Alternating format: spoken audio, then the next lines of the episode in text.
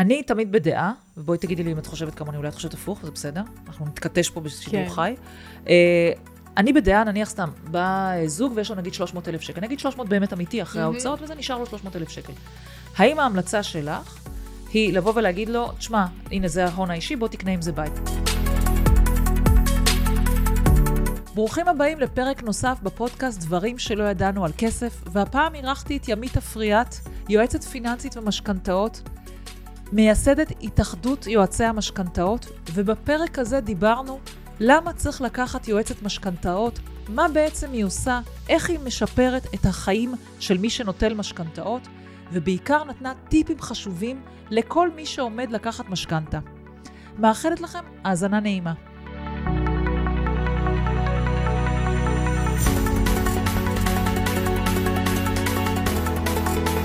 טוב, אז ימית, איזה כיף שבאת לפודקאסט שלי. איזה כיף וואי. שהזמנת אותי. את מהממת, את חייבת להגיד למאזינים, קודם כל, איך אני שמורה לך בטלפון, זה כבר שוס לא, מצחיק. תקשיבי, זה קטע, זה כמו סגירת מעגל. כשהתחלתי להקליט את הפודקאסט שלי, ראיתי פרסומים שלך, והיית נראית לי כזו מדליקה, ואמרתי, וואי, בא לי להזמין אותה לפודקאסט שלי, ושמרתי את הטלפון שלך מבלי שאנחנו מכירות.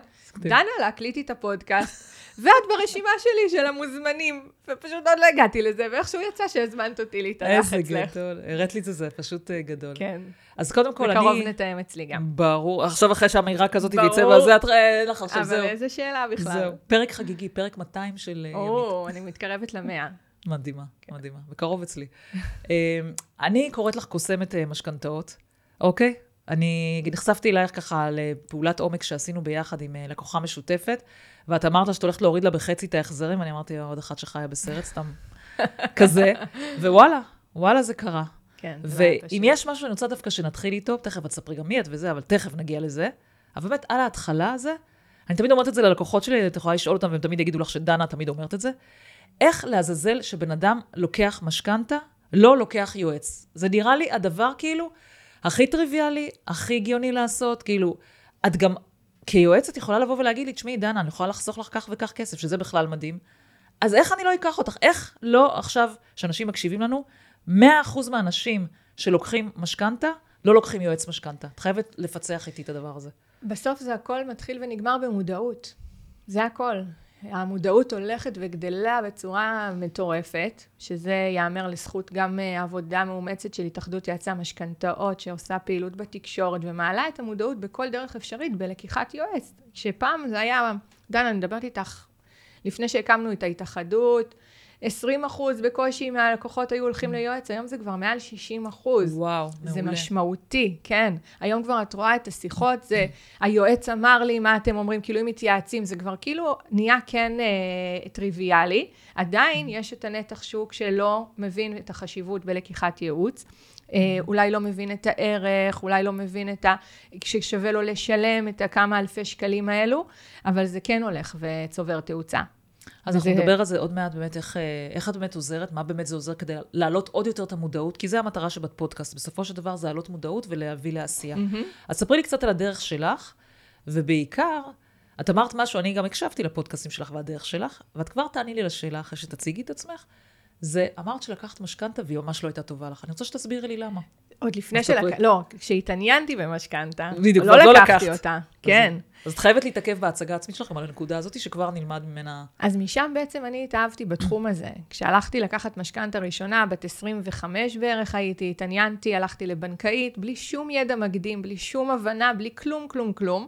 ניגשתי ואמרה לי, בואי, תיקחי את הכל באיזשהו מסלול ל-30 שנה, זו ריבית משתנה, צמודת מדד, עם EMI שהיה בזמנו איזשהו ביטוח כזה שמשלים לך בכדי להגדיל את ההון העצמי, ואפשר היה להגיע בזמנו ל-90% מימון.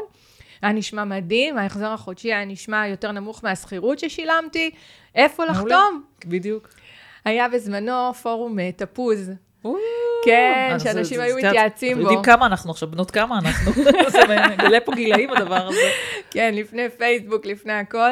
ואבנר סטפאק היה מייעץ שם ימים ולילות, ללא שום תמורה, מהתנדבות וטוב לב שלו. והוא ייעץ לי ואמר לי, ימית, זה נורא מסוכן המסלול שהציע, והתחיל להסביר לי למה זה מסוכן, ואז הבנתי, אמרתי, אוקיי, בוא נעצור רגע, נבין, נחסוך עוד כסף, נראה איך נכון לגשת לזה. ואז עברו איזה שנתיים עד שבאמת לקחנו משכנתה, ולא לקחנו צמוד מדד, פתאום הבנתי את ה...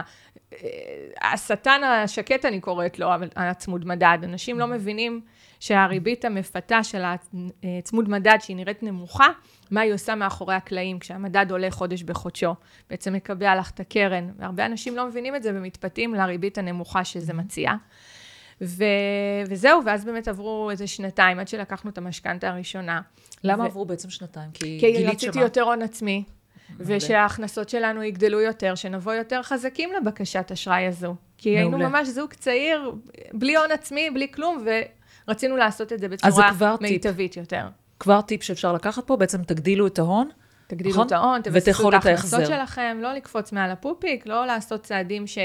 עוד פעם, אנחנו היינו בני 25, ילדים, לגמרי. אוקיי, יש ל... היה מה לחכות רגע ל- לעשות את זה בצורה חכמה יותר.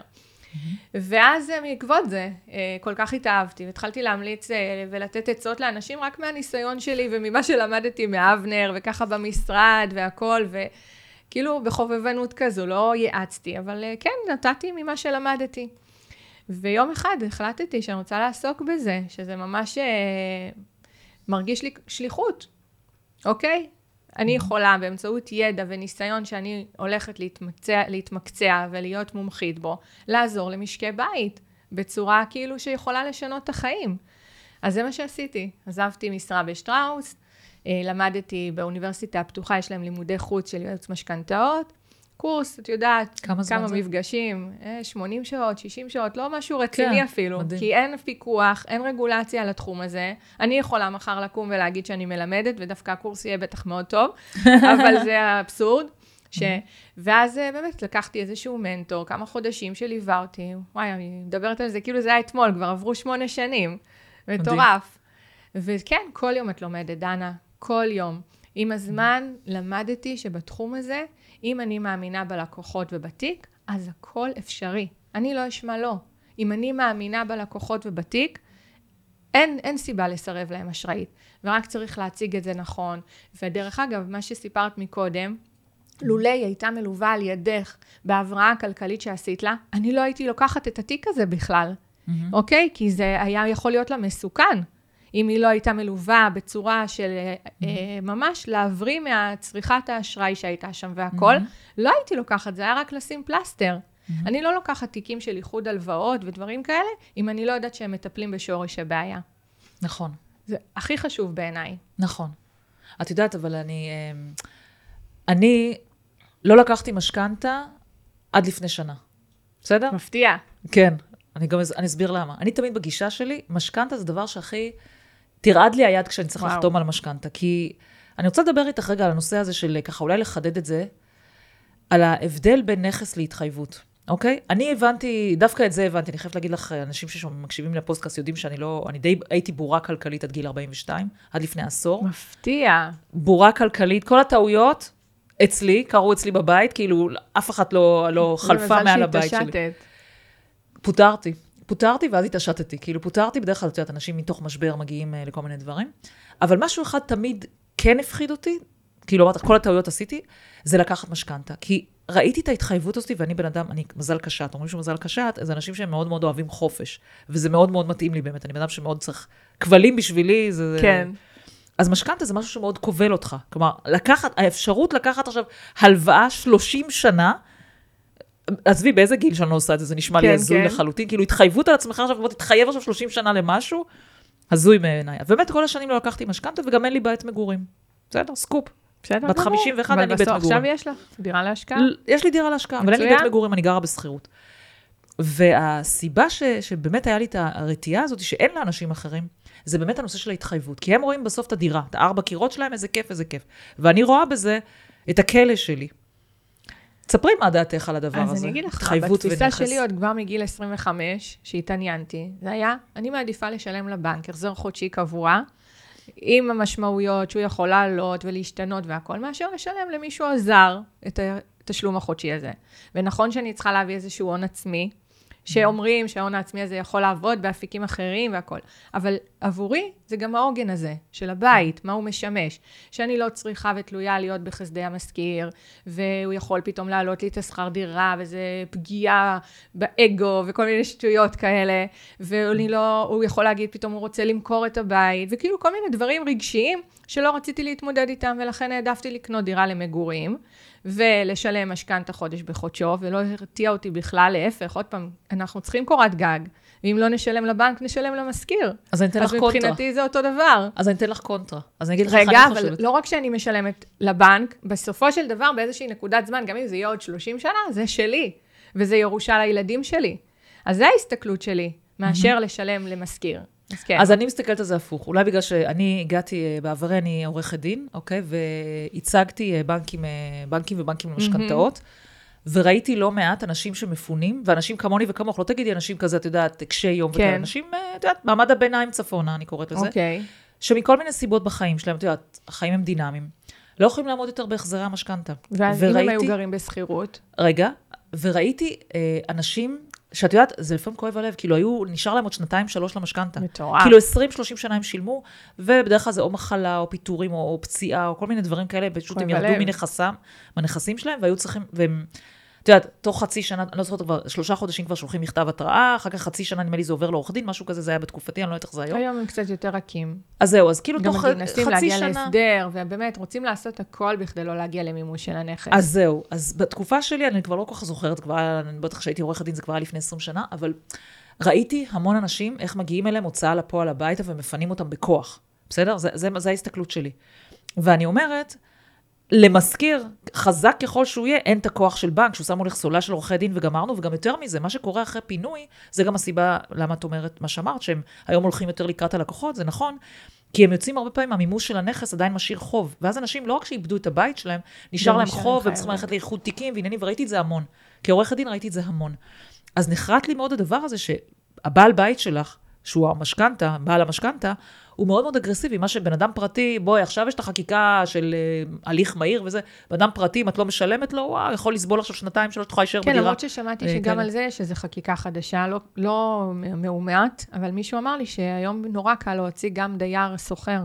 אז זהו, זה חקיקה בשנים האחרונות. אבל כן. בגדול, פעם, אני אומרת, גם, גם חקיקה מהירה, או, או הליך מהיר, לא, הוא לא אגרסיבי כמו הבנק. לא, לא, ברור, ברור, אבל... אני באמת, כי זה, כאילו... לא, זה לא נעים, נכון, אבל uh, חובות צריך אני לשלם. נכון. ואני יודעת מה, דנה, מי כמוך יודעת בהתנהלות כלכלית, ותיארת לי מקרים של מחלה והכל וזה, זה לא נעים. אבל אני אומרת כזה דבר על עצמי, על משק הבית שלי. אף פעם אנחנו לא יודעים מה יהיה, נכון? אנחנו לא יכולים לדעת. יום אחד אנחנו פה, יום אחד... אם אני אגיע למצב שחודש או חודשיים קשה לי לעמוד בתשלומי המשכנתה, אני מיד אעמיד את הבית שלי למכירה. אני לא אהיה במצב שהבנק יצטרך להיות זה שיוציא אותי. זה לא יקרה. אז צריך פה באמת מודעות ואחריות אישית. ואם אתה רואה שהכדור שלג הזה מתחיל להתגלגל במדרון לכיוון הלא נכון, תעשה את מה שאתה צריך לעשות. אתה לא יכול להגיע באמת למצב שהבנק מפנה אותך וכל הכסף שאתה מפסיד בתהליך הפינוי ועורכי הדין. זה לא נכון. נכון. לא להאחז את יודעת. נכון, אבל אנשים קונים בית ממצב רגשי מסוים, ובגלל זה גם אה, קשה להם, או נאחזים בו. אז שילכו לטיפול רגשי ויעבדו על מה נכון. שצריך בשביל לשחרר את זה, ולא להגיע למצב שהבנק מפנה אותך מהבית ואת כל ההפסד הכלכלי שכרוך בזה. נכון. אבל מה באמת הדעה שלך, כאילו, ואני רוצה לדעת אם באמת בשנים האחרונות את רואה נגיד שינוי בדעה הזאתי, אני לא נגד בית מגורים, אני לא בנגד בית מגורים. Mm-hmm. אני חושבת אבל שיש לכל אחד מועד מתאים לקנות בית מגורים. אני חושבת שלרוץ, ואת אמרת את זה מקודם אפילו על הסיפור האישי שלך, ועל זה אני מאוד מתחברת. כלומר, אני חושבת שלפעמים זוגות צעירים צריכים לחכות עוד כמה שנים לצבור יותר הון, ולא לקנות ישר, אפילו שנכון, יש כזה אמירה וכזה, זה כן. מרחף מעל כולנו, שמחירי הדיור אה, עולה ו, אה, עולים וכאלה. אבל השאלה, אני רוצה לשאול אותך באמת, האם את חושבת שבאמת אנשים לפעמים את מייעצת את זה אפילו, שבואו, תחכו רגע, בואו תצברו עוד הון, בואו תחזקו את עצמכם כלכלית, לפני שאתם ישר רצים להתחייבות שהיא מאוד מאוד גדולה. בהחלט. אז באמת מגיעים למשרד הרבה פעמים אנשים לפני רכישת הדירה. מתארים לי את המצב הכלכלי שלהם, את ההון העצמי, הכנסות והכול. Mm-hmm. ואז הם מתארים את החלום, שזה לקנות איזה דירה בבניין מפואר ויפה ויקר, וההון העצמי לא תומך בזה. אולי ההכנסות אפילו כן, אבל ההון העצמי לא מאפשר. ואז אנחנו מתחילים לחשוב, אוקיי, בכל זאת בואו נעלה לרכבת הזו של הנדל"ן, כי אנחנו מאמינים שערך הדירות הולך ועולה. אז Mm-hmm. תמשיכו לגור בשכירות איפה שאתם רוצים, באזור שאתם רוצים, כי היכולת החזר שלכם מאפשרת את זה, ותקנו במקום אחר כרגע, Mm-hmm. שהשכירות תכסה את ההחזר החודשי של המשכנתה. תבנו על עליית הערך, תחפשו אזור שיש בו התח- התחדשות עירונית, אולי פינוי-בינוי, תמ"א, כל מיני דברים כאלה, רכבת קלה, כל מיני עוגנים כאלה שמעלים את מחירי הדירות, ובינתיים תמשיכו לחסוך, תמשיכו לחסוך אה, בקרנות השתלמות, אולי קצת בשוק ההון, כל מיני אפיקים. עוד שלוש שנים ניפגש שוב, ארבע שנים ניפגש שוב. אולי אז תגיעו לדירה שאתם רוצים. והיה השבוע במקרה במשרד שנורא נורא שימח אותי. הגיעו זוג שרצו לקנות דירה ברחובות. מפה לשם, את לא מאמינה, פתוחים וגמישים מחשבתית, הגענו לשומרון, וואלה. לאזור של עץ אפרים ואלקנה, כי ראינו שבתקציב שהם רוצים, ועם רמה, עם אה, סוג האוכלוסייה והקהילה שעושה להם טוב, זה יכול להתאים להם.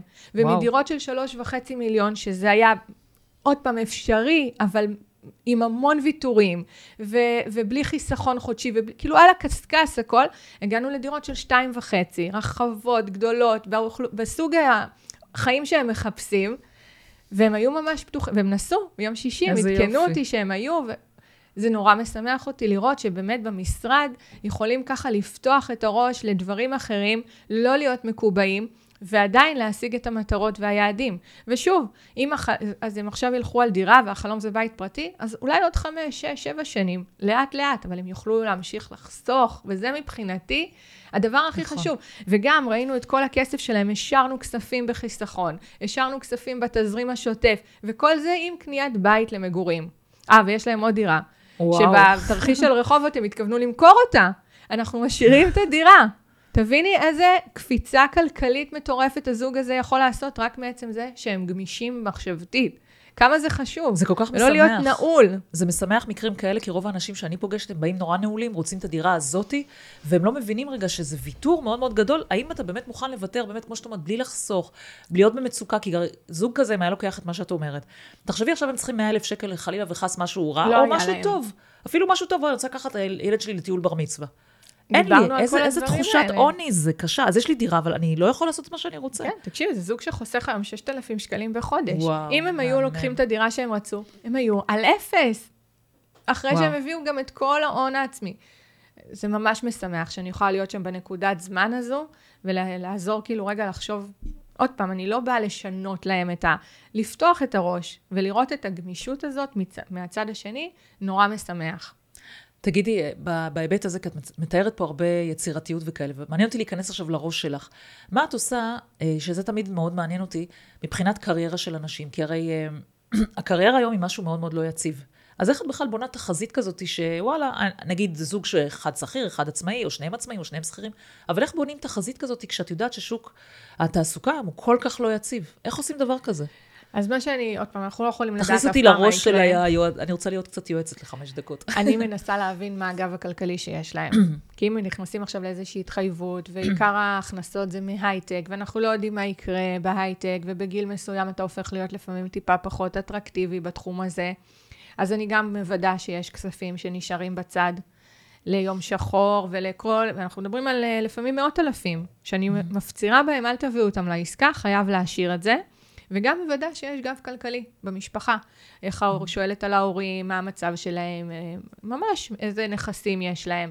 ואם אני רואה שיש איתנות שם, אז זה קצת גם מרגיע, ולפעמים אני רואה שלא, ואני שמה להם את התמרור הזרה הזה. תשימו לב, מה יקרה אם?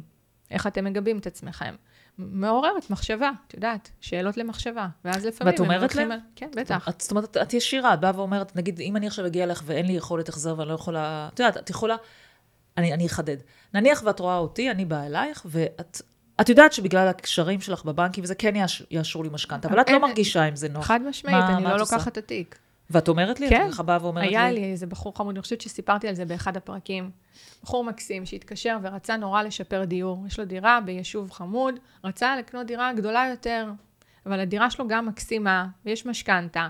ואני ביקשתי ממנו, עוד לא לקוח שלי, עוד לא עשינו פגישה. ביקשתי ממנו להכין אה, את קובץ אקסל, שנראה את המצב, איפה הם מוציאים, מה השורה התחתונה, הכנסות מול הוצאות. ואני רואה שהוא במינוס של איזה 4,000 שקלים כל חודש. עם משכנתה של ארבע, והוא רצה לעשות שיפור דיור, ולקחת משכנתה של איזה 8,000 וואו. שקלים. אז אני אומרת לו, אבל איך? אתה במינוס עכשיו של ארבע, קודם כל תפתור את המינוס הזה, תהיה מאוזן, תתחיל לחסוך, אז נראה ונחשוב איך עושים את הש... עכשיו, זה לא הרי קורה בן לילה, ל- ל- לעבור ממינוס של ארבע בטח. ל- לפלוס. אמרתי לו, זה תהליך של שנה, שנתיים כנראה שאתה תצטרך להיות בו. והוא התקשר במשך כמה, במשך חודש כמה פעמים, ואולי בכל זאת, ואולי בכל זאת, לא, לא יכול להיות עכשיו שאתה משפר דיור, תהנה מהדירה שלך כרגע, זה גם לא שתגידי מחוסרי דיור. יש להם בית עם משכנתה יחסית, וזהו, והוא ממש הודה לי, בסוף ליוויתי את אבא שלו ואת אחותו, בעקבות זה שככה הוא נורא התרשם, ובסוף, את יודעת, יש יועצים שאומרים, אה, אוקיי, 40 אחוז יחס החזר, יש לך הון עצמי, יאללה, בוא, בוא נעשה משכנתה. וואו. אז זה לא רק רגולציה, זה באמת לראות את האדם, לראות את היכולות שלו, וללוות, ו... דוגמה נוספת שהייתה לאחרונה, מישהי שלפני שלוש שנים גם עשתה תהליך של הבראה מדהים עם יועצת כלכלית, Mm-hmm. שזה כל כך, באמת, אני, אני בעיניי אין דרך כזאת שמישהו ייקח איחוד הלוואות בלי הבראה כלכלית. Mm-hmm. אה, והיא באה אחרי שלוש שנים, ואת רואה חשבון פצצה, בחיסכון, הכל טוב ויפה. היא רוצה להקטין את ההחזר החודשי עכשיו. כי היא לקראת פנסיה, עוד שלוש שנים היא תפסיק לעבוד. אז גם בהתחלה אמרתי לה, תקשיבי, אני חושבת שלא כדאי לעשות את זה. בסוף ההקטנה של ההחזר החודשי זה עלויות גבוהות יותר לאורך השנים. בואי, תמשיכי, את יכולה לעמוד בזה. לא, לא, אני רוצה להקל על עצמי. ממש הלכה לאזור הנוחות. טוב, בואי נעשה. אוספת את המסמכים, מתחילה בהגשה, ואז הבנקאית דווקא באה ואומרת לי, אבל ימית, זה לא חבל, כאילו. אמרתי לה, כן, אמרתי לה וזה, היא לא הקשיבה לי, אבל את יודעת מה? אני הולכת אליה שוב. הלכתי אליה שוב. אמרתי תקשיבי, אני באמת חושבת שזה ממש רעיון גרוע לעשות. כאילו, את מבינה שאני בדרך, קורעת צ'ק. כן, את מבינה את זה שאני קורעת צ'ק של. שכר טרחה. חד משמעית. אבל אני ישנה. טוב בלילה, וזה מה שחשוב לי, דנה. היא ויתרה, היא הבינה. עכשיו, אני עובר לי בראש שיש מצב שהיא תלך ליועץ אחר, והיא תעשה. חד משמעית. אני אשן טוב בלילה שאני יודעת שלא עשיתי לה נזק כלכלי. היא רצתה להקטין את ההחזר באיזה 2,000 שקלים, שזה לא מעט כסף, אבל היו לזה השלכות מרחיקות לכת. זו תוספת אה, מטורפת. מטורפת. ברמת הפגיעה לא. בירושה לבנות שלה. אוקיי. אישה בת 60 ומשהו, ברמה... עכשיו, היא אומרת לי, אבל ימית, לא אכפת לי, הן מסודרות וזה. אני אומרת לה, אבל למה? לא צריך. ת, ת, תסיימי לעבוד עוד 3-4 שנים, כמו שאמרת. יהיה לך קושי? תזרימי, נטפל, המוצר הזה יהיה שם. נוכל לעשות אותו אז. בינתיים הקרן שלה תקטן משמעותית. החוב עומד היום על 700, עוד שלוש שנים הוא יהיה 600. אוקיי? כבר משהו אחר, כן, בטח. לא, אז למה? כי... אבל את יודעת, זה, אנחנו ככה סיפרנו בחוץ כמה אנחנו נהנות ממה שאנחנו אה, עושות, ואני חושבת שאם יש משהו שכאילו, תמיד שואלים אותי כאילו, מה, מה קשה לי עם זה, או מה, נגיד, מה פחות זוהר לי במה שאני עושה, כי אני מאוד מהמם. אוהבת מה שאני עושה, זה זה. מה זה זה זה? זה. ה- אנחנו נפגשות הרבה עם אנשים, כשאת רואה שהם הולכים עם הראש בקיר. זאת אומרת, שאת רואה, כמו שאת תיארת עכשיו, וואלה, ההוא עם 4,000 שקל מינוס. הוא הולך ועושה את זה, עכשיו נכנס ל-8,000 שקל מינוס, שזה פסיכי לגמרי, כאילו, אתה לא. יכול לחיות עם זה. אתה תוך שנייה מגיע להלוואות, ו- ו- ו- וה- וכאלה בנוסף וכאלה. למשכנתה גדולה, לקחת הלוואה, לסגור מינוס, ואז עוד עם מינוס. ריביות מטורפות וזה. כלומר, את רואה אותם הולכים לכיוון הקיר, ואני, אני מסכימה איתך, את אומרת לעצמך, טוב, אני ישנה טוב בלילה, כאילו, תכלס, הוא הלך, אם הוא הלך למישהו הלך למישהו. אני, זה עושה לי מועקה, שאני נפגשת עם אנשים, או רואה אנשים, שהולכים ממש עם הראש בקיר. אה, זה בדרך כלל, אגב, סביב הדיור. אני חייבת לומר שהרבה פעמים זה סביב הדיור. כן. את רואה זוג צעיר שלוקח את כל ההון שלו ושל המשפחה שלו ושל זה ושל זה, בשביל לקנות איזה דירה בשלושה מיליון. למה להתחיל זוג צעיר? אפרופו מה שאת תיארת מקודם, הש- משפרי דיור, ההורים שלי, אגב, עברו איזה ארבע דירות בחיים שלהם. אז היה להם דירה קטנה, מכרו עוד קצת כסף, דירה גדולה, יותר גדולה. היום אנשים... עשיתי את זה. בחמש שנים. עברת כמה פעמים? כן, מדירת שלושה חדרים לדירת ארבעה חדרים, מארבעה חדרים לבית פרטי, בחמש שנים. נכון, למה כי- לקנות ישר בית פרטי? וכאילו החלום כאילו ישר לקנות, וההורים שלי כל פעם נולד ילד, צריך עוד חדר, יאללה, עוברים. אבל זה כאילו. נכון לעשות את זה ככה לדעתי. ואת יודעת. מה, זה גם כיף, וזה גם מרגש כל פעם מחדש. נכון. וגם אני אומרת ללווים שלי, אל תקנו עכשיו את כל הריהוט החדש ואת הכל בטיפין, כי אין להם, הרבה פעמים אין להם, ואת נכון. רואה, והם שמים, צובעים 200 אלף שקל, אבל אין את ה-200 האלה, זה, זה פיקציה. נכון. תקנו עכשיו, תיכנסו עם מה שיש. אחרי כמה חודשים תחליפו פינת אוכל, תחליפו ספ... זה נותן כל הזמן תחושה, תחושת של- התחדשות חידשות, כזאת, זה, בדיוק. זה אנשים מרגש מפספסים כל את זה, הזמן, נכנסים זה הכל, כיף. בית חדש, זה חדש, זה חדש, כאילו, את את אחרי איך חמש אני שנים. נהנית כל הזמן? מאז שנכנסתי לבית, אז פעם אחת החלפתי פינת אוכל. אחרי כמה חודשים ספה, פתאום שמתי וילונות, לא הכל בבת אחת, וזה נותן כזאת תחושה כיפית. נכון. שאת גם משקיעה בעצמך, כי אני גם חוסכת בשביל כל פעם לעשות איזה משהו, לא הכל בבת אחת. נכון, זה זה, כיף. קצת מתפספס פה למי שלא מבין את העניין הזה. כן. את סיפרת באחד הפודקאסטים על הנושא הזה של אה, הדבר שהכי ריגש אותך, הזוג הזה שריגש אותך. אני רוצה לשמוע עליהם קצת יותר. תספרי קצת על המקרה ש... שממש ריגש אותך. זוג שלי, וואי, היה מלא מקרים. אז ספרי לי על מקרה שבא לך. שזה... היה, וואי, היה לי בן אדם שהגיע אני אליי. זוכרת זוג שהיה לך של מחיר למשתכן. אז זהו, אולי זה יפה. תראי, זה הראשון שעלה לי, ולא זכרתי בדיוק. שסיפרתי עליו. בדיוק. הם הגיעו אליי עם זכייה במחיר למשתכן בראש העין, והוא לא עבד. ואני אומרת, והיא עם הכנסה של איזה 7-8 אלף שקל, והם צריכים משכנתה גם לא כזאת גדולה, כמה מאות אלפי שקלים, פחות ממיליון שקל. אמרתי לו, תקשיב, אין מצב בעולם שאתה מפספס את הרכישה הזאת, ואתה הולך עכשיו לעבוד, לא משנה מה, וסידרתי לו עבודה במחסן, והבן אדם מנהל. לא ידעתי שאת גם יועצת קריירה. תקשיבי. הרמתי טלפון, הרמתי טלפון לאיזה ידיד, שאני יודעת שהוא מתעסק בלוגיסטיקה, וכל הזמן, אמרתי לו, אתה עכשיו מעסיק אותו, הוא צריך עבודה. עד שהוא ימצא, הוא מנהל, מנהל מכירות. הבן אדם הלך לעבוד במחסן, כמו אחרון הסבלים, בשביל שיהיה לנו תלושים להציג לבנק, ותוך כדי התהליך הוא כבר התקבל לעבודה שהוא רצה בניהול, שהוא, בניהול מכירות, שהוא יודעת התמחות שלו. ו- וכמובן, הכל עבר בשלום, אבל אני הייתי צריכה להראות לבנק שהוא עובד, וזה לא משנה במה. הוא הבן אדם היה צריך לעבוד. אבל למה זה ריגש אותך כל כך, המקרה כי הזה? אני למה את ישר זוכרת אותו? יכלתי לעזור לו. הוא לא הבין את החשיבות של העבודה, שהוא חייב לעבוד, ושכנעתי אותו שהוא חייב לעבוד בכל דבר, לא משנה מה. הוא לא יכול לחכות עכשיו למשרה האולטימטיבית שהוא רצה, בשכר האולטימטיבי. הוא חייב עכשיו להביא לי תלושים של 6-7 אלף שקל, בשביל שאני אוכל לעשות לו משכנתה, ותוך כדי שיחפש את העבודה שהוא רוצה. כי לא היה גם מי שיהיה לו ערב, לא היה שום דבר. אז הזכות הזאת להיות במקום, בזמן הזה, שהוא... אם אני לא הייתי מפצירה בו, יכול להיות שהוא היה מאבד את הזכות לדירה. את כן. קולטת את זה? כן, דירה ששווה אה, שני מיליון שקלים בערך, וואו. והם קנו אותה בערך במיליון, אני לא זוכרת בדיוק את כן, המספרים. 900 אלף. את זוכרת, את זוכרת, יפה. כל הכבוד. כן, אז את מבינה, זה לזכות מדהים, בפיס. מדהים. וככה מלא מקרים שאנשים לא הבינו את ה... רגע, מה יש להם ביד, בעיקר במחיר למשתכן, ואיך עכשיו, גם היה לי סיטואציה שבן אדם היה כולו עם מינוסים ו- וחריגות ממסגרת, ולא לא לקוח שהבנק אומר, וואלה, בא לי לתת לך עכשיו לא. אשראי. אז גם שם הלכתי למנהל הסניף, ודיברתי ושכנעתי, אישרתי להם משכנתה. ואין, יש אין סוף סיפורים. ראית על הדירת עמי- עמידר? שזוג מבוגר, בני 85, דנה, 85, זכו בדירת עמידר בראשון לציון. ומה הם צריכים? בסך הכל 150 אלף שקל. זה נשמע בדיחה, בא לי לפת... לפתוח כן, תוכנית חיסכון כן. להביא להם, כאילו, כן. זה מה שמפריד בינם לבין בית. אבל הוא סיעודי, ועם קצבת נכות, והבנק לא, הם לא עוברים מסך, הבנק לא רוצה לתת להם שקל הלוואה, כאילו, לא סומך על זה, למרות שבואי, בינינו, ההכנסות שלהם יותר יציבות משל אה, שכיר. נכון, וזה האמונה שלי בתיק הזה. נכון. והבת שגרה איתם, בת מבוגרת, את יודעת, משפחה רוסית של פעם כזה, עם התא המשפחתי כן. שכולם גרים ביחד, כן. והבת גם מכניסה כסף, ויש להם איזה עשרת אלפים, אפילו יותר, יש להם איזה 16 אלף שקל הכנסה יציבה קבועה, שלא משנה מה היא תהיה. הכי קבועה שיש, מה זה? קצבת. נכות, ביטוח לאומי, זה, זה, זה. אז נכון, לא עוברים כאילו, אבל וואלה, העברתי אותם. 150 אלף שקלים, האמת שברגע זה הם חותמים, דנה, בזמן מהמם. שאנחנו פה, אז אה, אין. יש יותר טוב מזה, תגידי? תגידי, אני רוצה לדעת, מעניין אותי, כשאומרים יועץ משכנתאות, אז אני שומעת ממך הרבה יצירתיות, הרבה יכולת לראות את הבן אדם וכל הדברים האלה. מה מקור הכוח של הדבר הזה? למה צריך לקחת יועץ משכנתאות לפי דעתך? הידע, הניסיון, הקשרים, אוקיי? הרבה פעמים אנשים חושבים שיועץ משכנתאות זה רק זה שילך להביא לי ריבית של אה, במקום 4.5, 4. אז לא.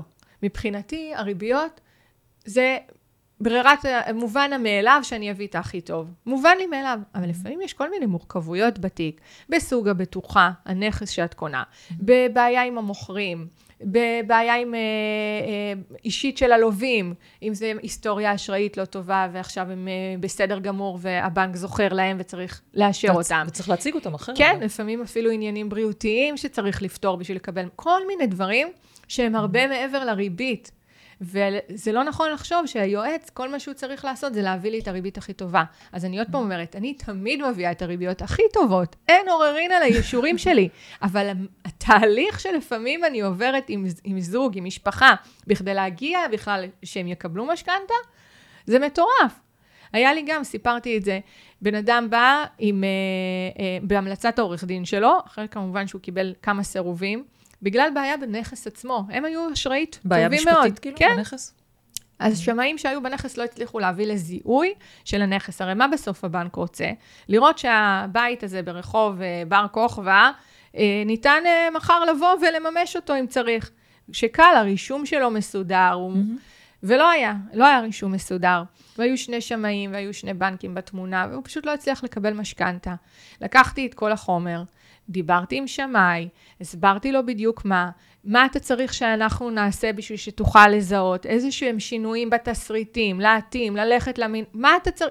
עשינו כל מה שצריך. השמאי, המינהל, העורך דין, אני מולם תפעלתי את כל הדבר הזה. הבן אדם תוך חודש קיבל משכנתה. אחרי שנה וחצי שהוא לא הצליח לקבל משכנתה על הנכס הזה. הוא כבר גר בו. הוא כבר היה גר בנכס שהוא חייב למוכרים מיליון וחצי שקל. מטורף. כאילו, גם זה, עצם העובדה שהוא גר בו זה מטורף.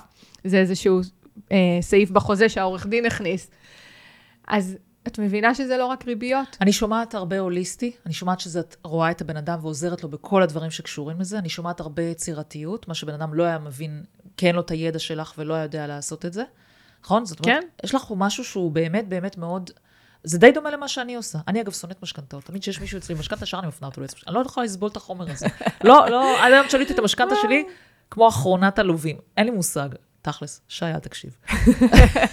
שי נשמה. כן, לגמרי, אבל ישר נתתי את זה ליועץ. כאילו, אני לא, לא יכולה, בסדר גמור, לא סובלת את הדבר הזה. בסדר גמור, זה בעצם- חוזקה שלך, לשחרר משהו שאת לא טובה כן, בו, כן, אני- ולהוריד מהראש שלך. כן. זה- שזה גם. את שואלת למה? גם להוריד, יש לנו כל כך הרבה עומס, יש לנו כל כך הרבה דאגות, אנחנו רוכשים דירה במיליוני שקלים. מה זה לשלם כמה אלפי שקלים בשביל שמישהו יטפל לנו מה, בהיבט בטח הייתי המימוני? מבסוטית ששי אה, עשה לי את את הזה? משכנתה, תקשיבי. מה, כאילו, קח, תשחרר. כשבן. אדם בא אליי לקנות דירה, אנחנו עושים הוצאות נלוות, עורך דין, מתווך, יועץ משכנתאות, שמאי. אלה ההוצאות שאתה חייב להוציא. יש לך 500 טלפון עצמי, הורדנו 100 כי יש הוצאות נלוות. אין, אין אופציה נכון, אחרת, נכון. בעיניי. בגלל זה אני לא מצליחה להבין איך, איך יועץ משכנתאות זה לא חלק מההוצאות אז היום אני הנלוות. חושבת כאילו. שזה הולך ותופס תאוצה יותר, אבל אנשים מבינים את החשיבות ואת הערך שהם מקבלים משירות כזה שהם מוציאים עליו כסף. אני רוצה שתספרי לי קצת על ההתאחדות אה, יועצי המשכנתאות, שאני יודעת שאת הקמת וכל זה, והאם היום אני, כשבא אליי אה, יועץ, אני יכולה לבדוק אם הוא בהתאחדות. בטח. יש דבר כזה. יש בואי תספרי אתר את זה קצת. שנקרא, פשוט להקיש בגוגל, התאחדות יועצי המשכנתאות, יש שם רשימה של כל היועצים, את יכולה פשוט להקליד את השם של היועץ ולראות אה, איזה ערך זה נותן. בסוף היועצים שחברים בהתאחדות עוברים השתלמויות וכנסים, ואנחנו בקשר ברמה יומית, בקבוצות וואטסאפ כאלה שאנחנו מנהלים, אפילו מחוזיות וכלליות, וכל היום מעדכנים אחד את השני בכל החידושים ובכל מה שקורה, בכל הריביות, בכל ההמלצות לשם, הכל, אנחנו כמו מחוברים באיזה אינפוזיה כזאת, אחד עם השני. ו- וזה, יש לזה ערך מטורף. פתאום את יודעת, אה, נגיד אתמול הודיעו שאחד הבנקים הולך לצאת אה, במבצעים וריביות. את פתאום את אומרת, וואלה, זה יקרה עוד יומיים, אז אני צריכה בתיק הזה לקחת את זה בחשבון. זה מידע שרץ priceless. באמת priceless. וזה החוזקה שלנו בהתאחדות, שאנחנו ככה מאוגדים ומשתפים אחד את השני, לא מפחדים מתחרות במרכאות, קולגיאליות מדהימה, עוזרים אחד לשני לפתור בעיות, סיורי מוחות. אני יכולה לספר על איזשהו תיק. וואלה, חברים, למי כדאי להגיש את כן, זה? מהמם. למי אתם אומרים? אז הם. ישלחו אותי לאיזה בנקאי, שהוא עם ראש גדול, שהוא... ו- והתיק יעבור, כי אנחנו עוזרים אחד לשני. ויש לכם גם אמנה שמאוד אהבתי לשמוע עליה. כן. ספרי לי על האמנה של. יועץ, בדיוק, מה זה? שמדבר על זה שהיועץ אה, נאמן ללקוח שלו, ולא יקבל תגמול מאף אחד, ויראה רק בטובת הלקוח. ואת יודעת, בסוף אין לי כל כך, אין לנו כל כך דרך לאכוף את זה. אבל עצם העובדה שאדם חתם על משהו, כשהוא הצטרף לאיזושהי התאחדות, אני חושבת שזה מעלה את רמת המחויבות שלו, וכן, כמובן, אם נקבל איזושהי אה, אה, תשובה, לא תשובה, איזשהו ריג'קט על מישהו בהנהלה של ההתאחדות, אז אנחנו נוכל להדיח אותו מהחברות, ונוכל, אה, את יודעת, לעשות איזושהי פעולה. עוד פעם, אין רגולציה על התחום הזה. אז אנחנו עושים כמו רגולציה פנימית משלנו. ורוצים שאנשים ירגישו כבוד להיות חברים בהתאחדות, ואת הנאמנות הזאת גם כלפי הלקוחות, כלפי הציבור, בעצם זה שחתמת על קוד אתי. את יודעת, זה שאין רגולציה בתחום כזה, זה, זה פשוט מצחיק. זה ממש, זה מדהים בעיניי. כי תחשבי, בצד השני, נגיד, הבן אדם, נגיד, למה ביועצי הפנסיה יש רגולציה? למה? כי הם נותנים באמת, הם מתעסקים, איך אומרים, בסכום הכי גדול כן. שלאדם יש בחייו. עכשיו, בן אדם לוקח משכנתה, שזה בדרך כלל הסכום הכי גדול שהוא לוקח, כאילו, זה בדיוק הפוך. כן. את יודעת, בקטע המחויבות הכי גדולה. וכאילו, העובדה שאין רגולציה בתחום כזה, זה מדהים בעיניי. את יכולה אולי לספר לי קצת מאחורי הקלעים, כי אני יודעת שאת גם כן. מול הכנסת וזה. למה אין רגולציה בתחום הזה? רוצים בכלל לצמצם אה, פיקוח בכל מיני דברים. הנה, תראי, גם את העולם המתווכים מפסיקים עכשיו את הפיקוח עליו. לא רוצים לפקח על דברים, צריך מישהו שיהיה אמון על זה, מישהו שצריך משרד שלם בממשלה, בכנסת, אה, כאילו, כן, לא רוצים, כספים, בדיוק, כספים. לא רוצים. אז בסוף, גם איפה בעיקר לקוחות יכולים להיפגע? מיועצים שלא אמינים, שלוקחים שכר טרחה ולא עושים את העבודה שלהם. אז אני מציעה, מי ששומע ונפגע מאיזשהו אה, גורם כזה, אפשר לפנות לרשות להגנת הצרכן, אוקיי? זה פשוט שם הגוף הזה, ולא מספיק פונים אליו ומתלוננים בפניו על כל מיני עוולות שנעשות. וגם לבדוק טוב טוב, לקחת המלצות, לא להתפתות לפרסומות ברדיו, וכי איזושהי, אה, איזשהו אה, שדרן מפרסם מישהו ש... לא, לבדוק היטב דרך מי לקחת, חברים, שכנים, משפחה. להבין מה התהליך שהולכים לעבור, מה המחויבות של היועץ, לא לשלם את כל השכר טרחה מראש אף פעם, בשום מקצוע, דנה. בשום מקצוע לא לשלם את השכר טרחה מראש, בין אם זה בשיפוץ שאני עושה, ובין אם זה עם היועץ משכנתאות שאני לוקח. פשוט לא. ואז זה הרבה הרבה פחות מקום למחדלים והונאות. אני ממש מסכימה, מקשיבה בקשב רב למה שאת אומרת, ואני רואה הרבה אנשים שגם נפגעים מזה. אמ, רציתי לשאול אותך בהיבט הזה, בוא נדבר קצת על בנקים. בסדר? כן. דיברנו קצת אה, איך אני רואה, תופסת בנקים ממי שאני רואה שנפגש איתי, אני רוצה לשמוע עלייך. איך את אה, חווה את זה? תראי, אני חווה אה, איזושהי אמירה כזאת של אנשים, באופן כללי, לא רואים בנק כגוף מסחרי, משום מה. כאילו, כן רואים את סלקום ופלאפון כגוף מסחרי, ווואלה, צריך להיאבק עכשיו על הטלפון שאני אקבל הנחה, אבל משום מה שהם נכנסים לבנק, זה אופרה אחרת מבחינתם. זאת אומרת, אני חווה את זה שאנשים באים ואומרים לי, וואו, אבל איך הפקידה כן אמרה לי או לא אמרה לי דברים מסוימים, כאילו הם חושבים שהפקידה או הפקיד הם לטובתם בהכרח. זאת אומרת, אני לא אומרת שלא, אגב, אני לא, כן. לא באה עכשיו להשמיץ חלילה וחס כן. את, את הפקידים, יש גם הרבה פקידים שעושים באמת לטובת הלקוח, באמת רואים את הלקוח. אבל אני אומרת, המחשבה האוטומטית של הציבור שנכנס לבנק, הבנק לטובתי, זה הבנק שלי, אני כבר 20 שנה בבנק, אני, האמא שלי הייתה, אבא שלי היה דוד נכון, שלי וכולי. נכון. כאילו יש איזו מחשבה כזאת, הבנק הוא סבבה, אוקיי? הוא, הוא לטובתי והוא עובד איתי. ואני, ואני תמיד אומרת להם, תראו, הבנק הוא גוף מסחרי. בסופו של דבר הפקיד אמון על זה של למכור לך כסף, אמון על כל מיני דברים שהם רוצים לקדם, כל מיני מוצרים שלאו דווקא בהכרח הם טובתך. נכון. הרי כולנו נתקלים בזה שמתקשר הפקיד בנק, תגידי, לא בא לך לקחת הלוואה? אליי כבר לא מתקשרים, כי יודעים ש... שלא כדאי. כן, כאילו, לא הבנתי, למה התקשרת אליי? כן, בדיוק. אני במינוס, משהו לא בסדר? כן, למה אתה מתקשר אליי? בדיוק, אליי כבר לא מתקשרים, אבל היה שנים שהיו מתקשרים אליי. גם פעם הייתי במינוס כל הזמן, בואי. אמרתי לך, כל הטעויות הכלכליות זה היה אצלי. הייתי במינוס איזה 20 שנה, וכל הזמן היו מתקשרים אליי, להציע לי הלוואות, כאילו כל הזמן. דווקא לא התפתיתי לזה, אני חייבת להגיד. לפחות משהו אחד עשיתי טוב. אבל באמת, כאילו, מתקשרים אליי, ואנשים חושבים משום מה שזה לטובתם. כאילו, קח הלוואה, זה לטובתך, כי נותן לך כסף. יש איזה משהו חושב... פער כזה. הם באים מה? ממקום נזקק הרי, נכון? כשאני באה לבנק לבקש כסף, אני באה ממקום שאני צריכה. אז ברגע שהוא אומר לי כן, מבחינתי, אוקיי, איפה לחתום? איזה חמוד נכון? אתה נתת לי. וואי, איזה, איזה כיף, הוא נתן לי, אפילו בקלות, רק ביקשתי, הוא העמיד לי הלוואה. הם באים ממקום כאילו נזקק, הם לא מבינים שההפך, הכוח אצלם, הכוח אצל הלקוח, הוא יכול להתמקח על הריבית, הוא יכול להתמקח על תקופת ההלוואה, יכול להתמקח על התנאים בעובר ושב, על המון דברים, הכוח אצלו. צריך לשנות את התפיסה הזאת פשוט, ולא לבוא ממקום נזקק. ככה אני גם אומרת ללקוחות שלי, בואו, אנחנו צריכים להציג את עצמנו. אתה, אני לא רוצה שתהיו עכשיו אה, שנה בחופשת לידה, כי אני, אז אין לי הכנסה שלך. אני רוצה לבוא חזקה, אני רוצה להראות שיש שני אה, זוגות, זוג mm-hmm. פה שמכניס כסף. Mm-hmm. לא רוצה לבוא ממקום של אה, קבצנית. Mm-hmm. הכוח אצלנו. אז צריך לשנות את התפיסה הזאת, שכאילו הבנק עושה טובה שהוא מאשר הלוואה, ולא. יש תחרות, יש שוק פתוח, יש בנקאות פתוחה, אני יכול בשנייה, בלחיצת כפתור, לעבור לבנק אחר ולהטיב את התנאים. בוא נתעכב על זה רגע. כי זה למשל נקודה. אני, אגב, הוצאתי הרבה פעמים כשעשיתי אה, ליוויים אחד על אחד, הורדתי באלפי שקלים החזרים של הלוואות רק ממעבר בנק. כן. כאילו, סוגרת בבנק הישן ועוברת חדש. בוודאי. ותמיד הייתה התנגדות ממש גדולה מהלקוח. כאילו, מה, אני אעבור בנק? כאילו, זה נשמע, מה? זה נורא פשוט בואי היום. רגע נדבר על זה. מה מה הקטע של עוברת לעבור בנק? מה פעם הקטע? היית צריכה לעבור בנק, היית צריכה כן, להודיע טפסים, לבזק, לחברת וזה, כן. חשמל, ל- לפנות אחד-אחד לחברות ולהעביר. היום הם עושים את זה עבורך בלחיצת כפתור. אם זה הוראות קבע, או אם זה כרטיסי אשראי, הבנקאי שאת מעבירה אליו את הפעילות, יש לו את הדרך פשוט להעביר את הכל בשנייה. אז זה לא מסובך כמו שזה נראה, זה ידידותי. הקדמה עשתה את שלה פשוט. איך את חווה את זה במשכנתאות? באמת, אנשים, אה, למשל, באמת אה, חוששים לעשות את ההתמחרות, אנשים שהם... אני עושה את זה? עבורם. אבל הם באים אלייך כי הם חוששים? זאת אומרת, הרבה פעמים הם באים לזה כי הם רואים ערך, וואלה, אני לא רוצה עכשיו להתעמת מול הפקיד ומול כן. הזה. כן, בהחלט. יש לי אפילו מסלול שירות שאני מציעה בו, שאני בונה את התמהיל, אני מדריכה אתכם ומנחה אתכם, ואתם הולכים לבנק לעשות, וזה עולה חצי משכר טרחה של ליווי מלא. אין לקוחות שבוחרים את זה, לא קיים כמעט. וואו. אחד ל... וואו. כן, רוצים את הליווי המלא, תשחררי אותי, אל...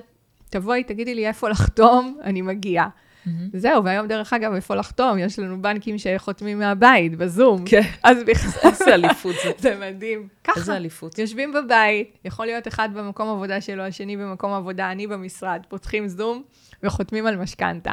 קדמה מדהים. מדהימה. בוא נספר קצת אה, ונדבר קצת כשאנשים יבינו באמת תחרות בין בנקים, כי זה תמיד נשמע להם גם כן, כאילו, מה זה נוגע אליי? מה זה עוזר לי שיש תחרות בין בנקים? בואי נשים פה את הדבר הזה על השולחן. מורידים ריביות. את יכולה לבוא לבנק עכשיו לקבל איזושהי הצעה. עוד פעם, רצוי שזה יהיה עם איזשהו, לא רצוי, חובה שזה יהיה עם תמהיל שאת מבינה שנכון לך ולצרכים שלך, מבחינת הפריסה של השנים, מבחינת המסלולים. קיבלת את ההצעה הזאת, את הולכת לבנק מעבר לכביש.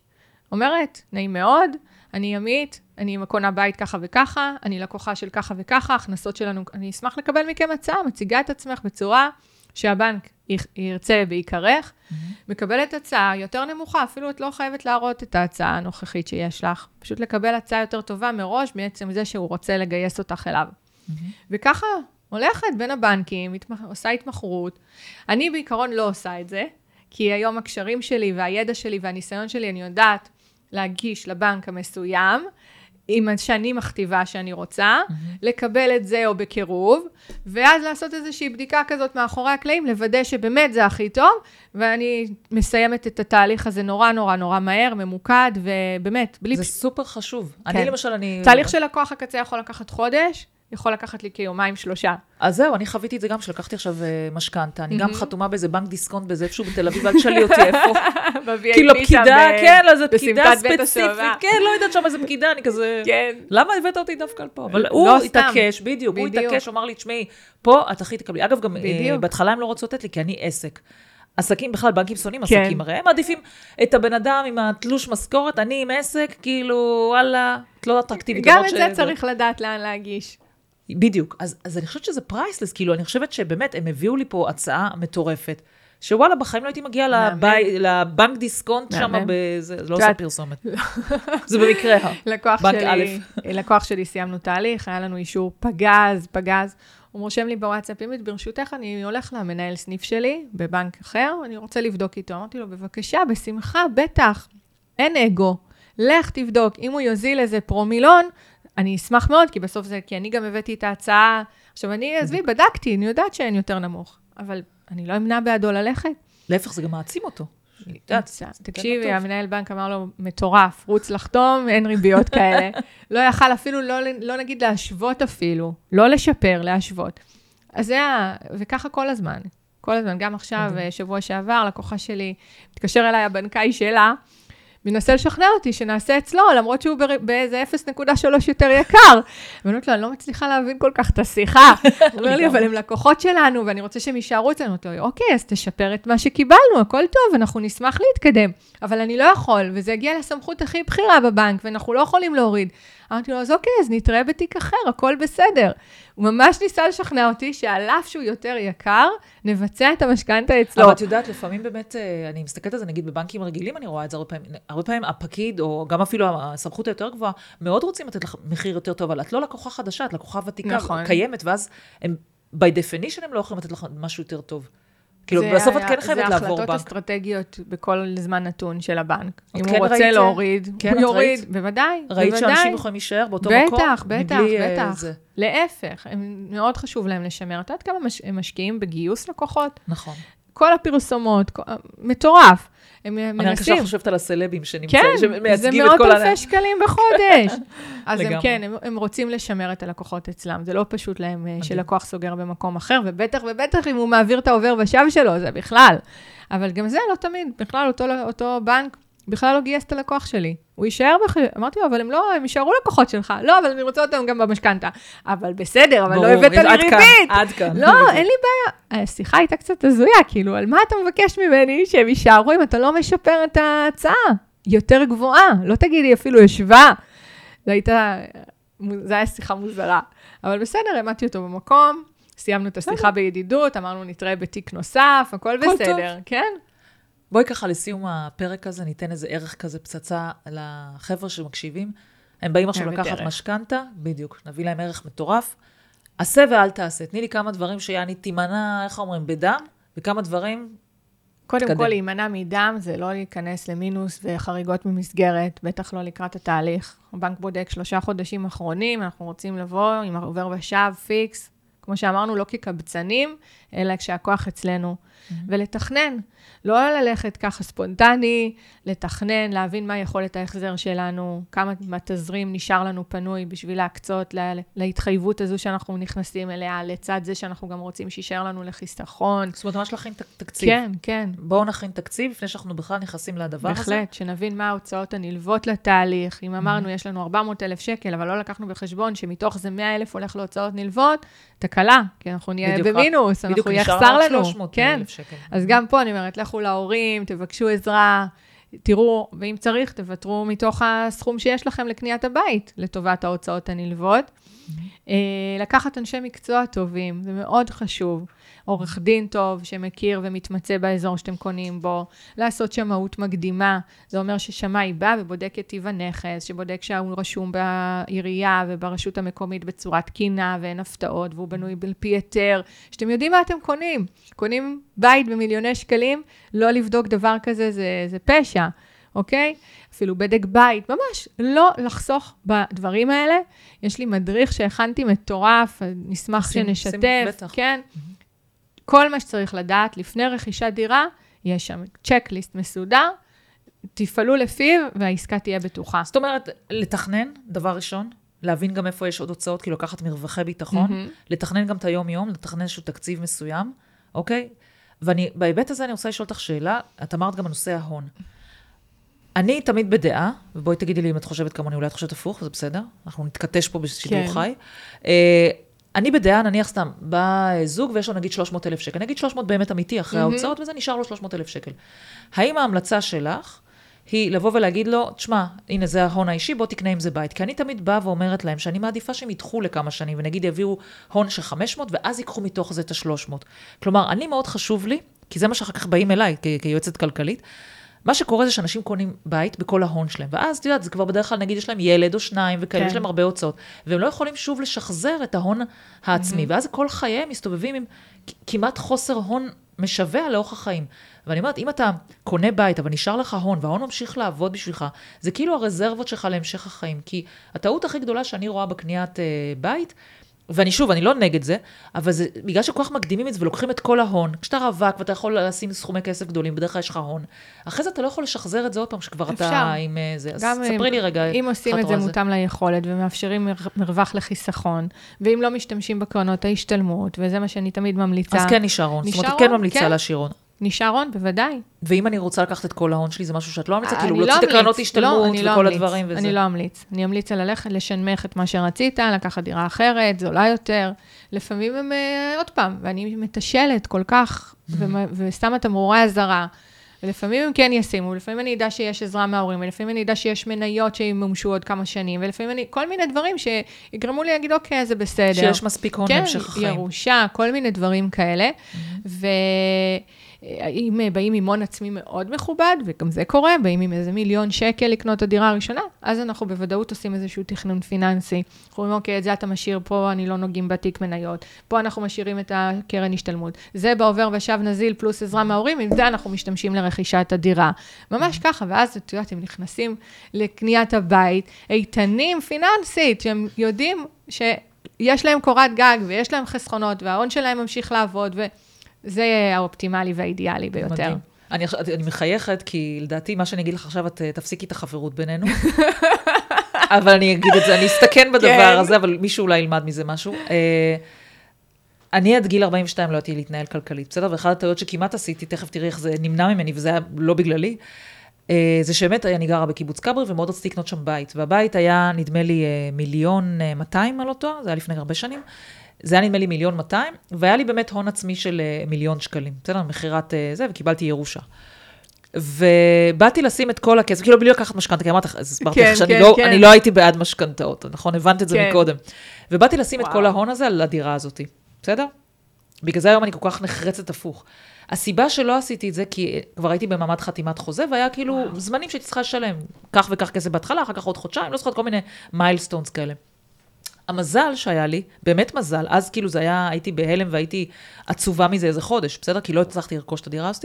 המזל שהיה לי שבמכירה של הבית שהיה לי, היה בעיות משפטיות, והיינו צריכים ללכת לבית משפט. באיזשהו שלב נחת עליי המוזה שאולי אני לא אוכל לעמוד בתנאי החוזה, כי אני לא יכולה לתת כן. את הכסף כמו שהתחייבתי. וזה זה הפחיד אותי. ואז אמרתי להם, תקשיבו, עם כל הצער שבדבר, אני לא יכולה לחתום על החוזה, אני לא יודעת מה יקרה עם בית משפט, עם המכירה. מצוין. ובאמת, אגב, לימים, אני יכולה. להגיד לך שבאמת לא הייתי עומדת בחוזה. כאילו, כי הבית משפט, את יודעת, נכנסת בתקופה מסוימת, אין לך מושג מתי זה ייגמר. ובגלל שהייתי עורכת דין, ידעתי שזה המצב, ובאמת לא נכנסתי לזה.